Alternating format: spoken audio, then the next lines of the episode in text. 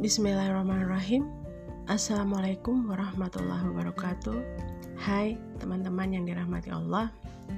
Kembali lagi bersama saya Rahmiani Masih dengan tema yang sama yaitu tentang ilmu. Nah teman-teman Seperti kita ketahui bersama bahwa Pandemik ini telah banyak membawa berjuta peristiwa dalam kehidupan kita dan secara pribadi saya banyak mendapatkan hikmah dari peristiwa itu.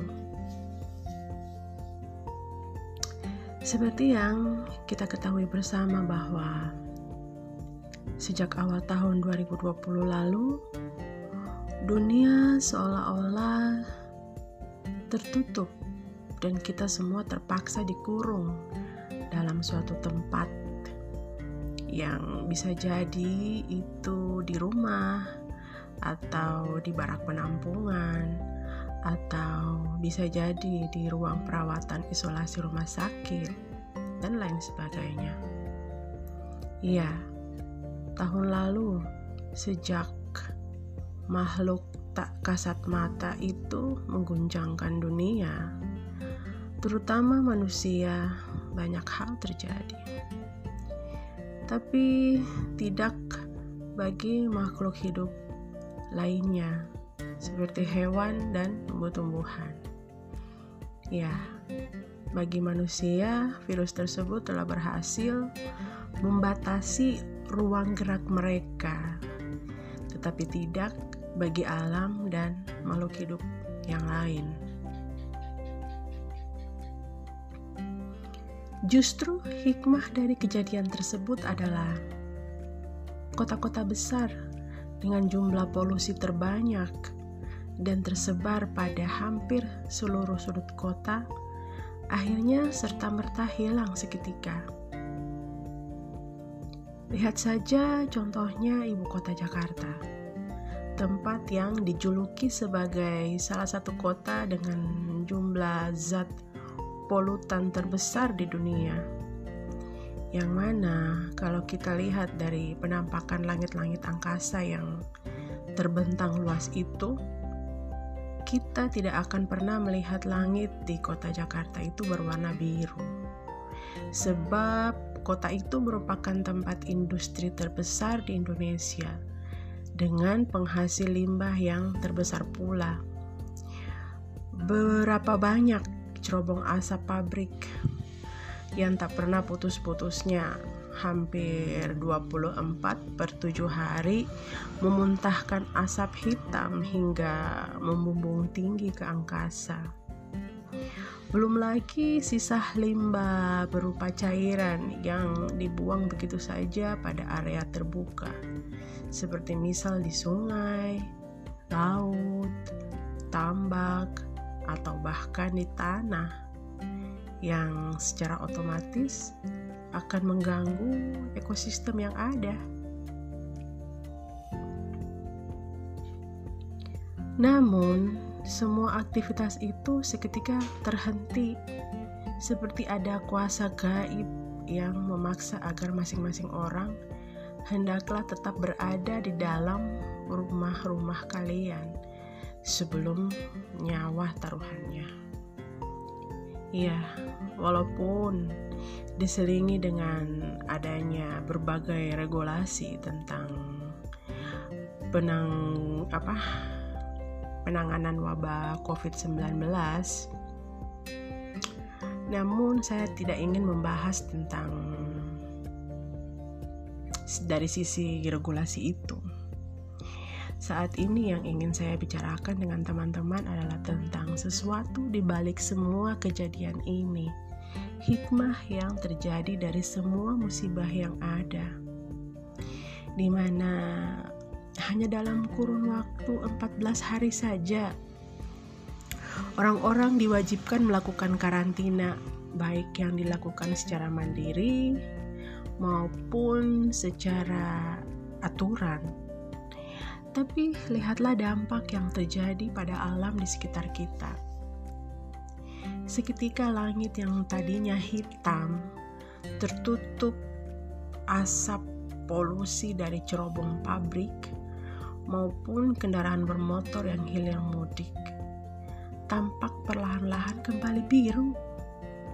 Iya, untuk sejenak mata kita dibuat terpukau akan fenomena yang terjadi.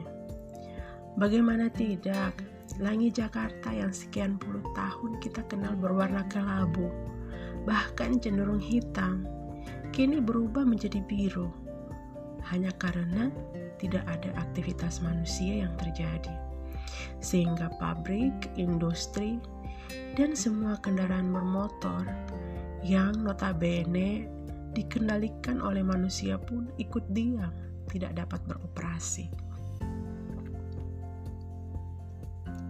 Maka lihatlah alam dan juga suaka marga satwa.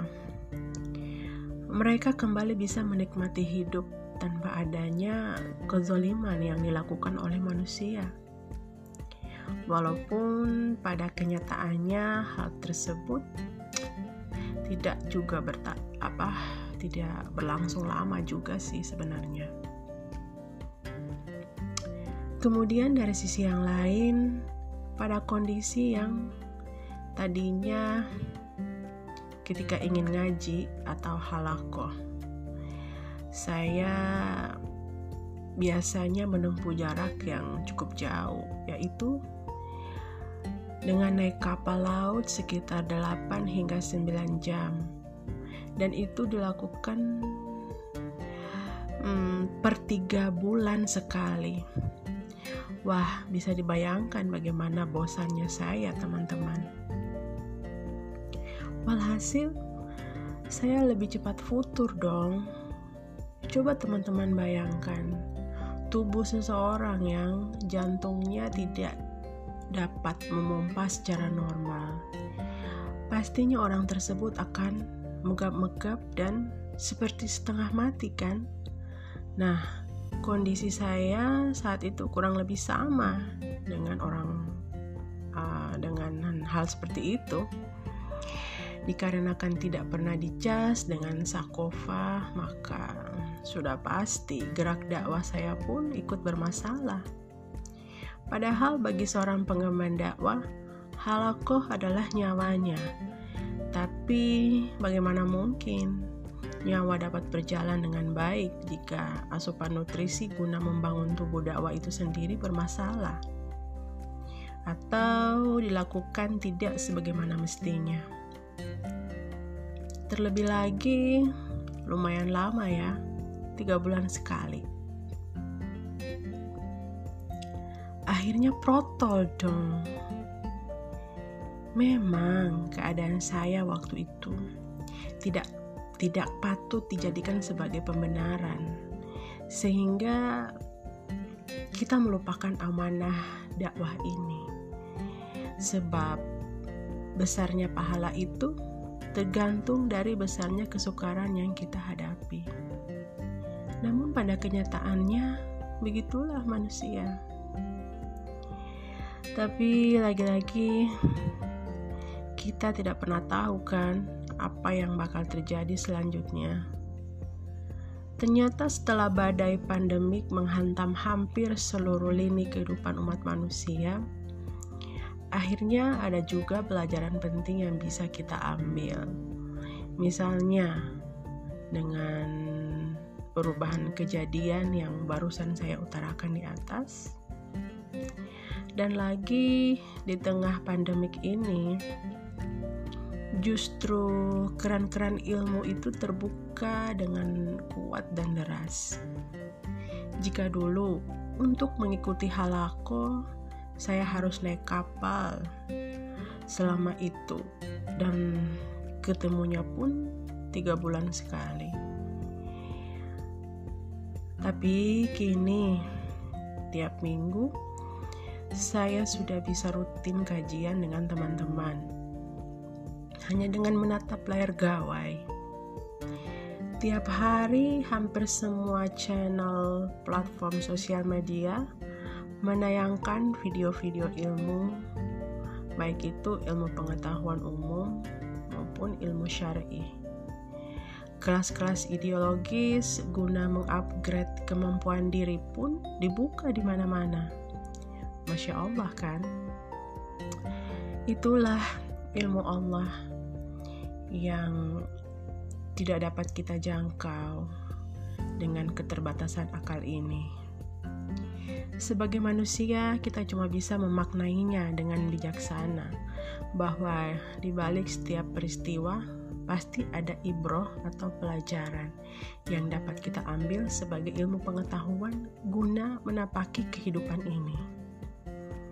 Untuk itu, kawan, tetap menjaga kewarasan di tengah arus perkembangan zaman ini, yang mana hampir setiap harinya kita selalu ditampakkan dan dipertemukan dengan dua pilihan, yaitu jalan kebenaran serta jalan kebatilan.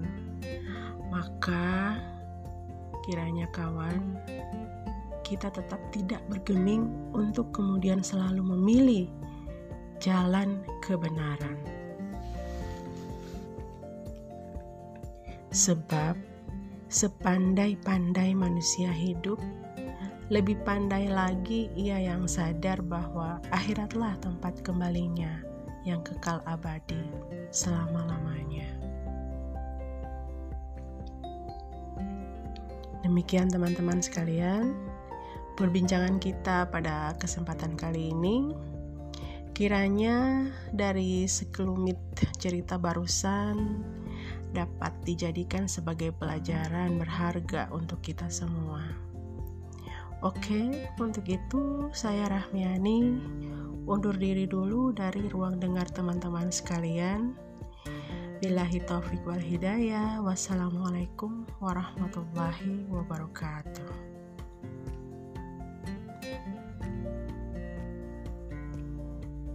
Música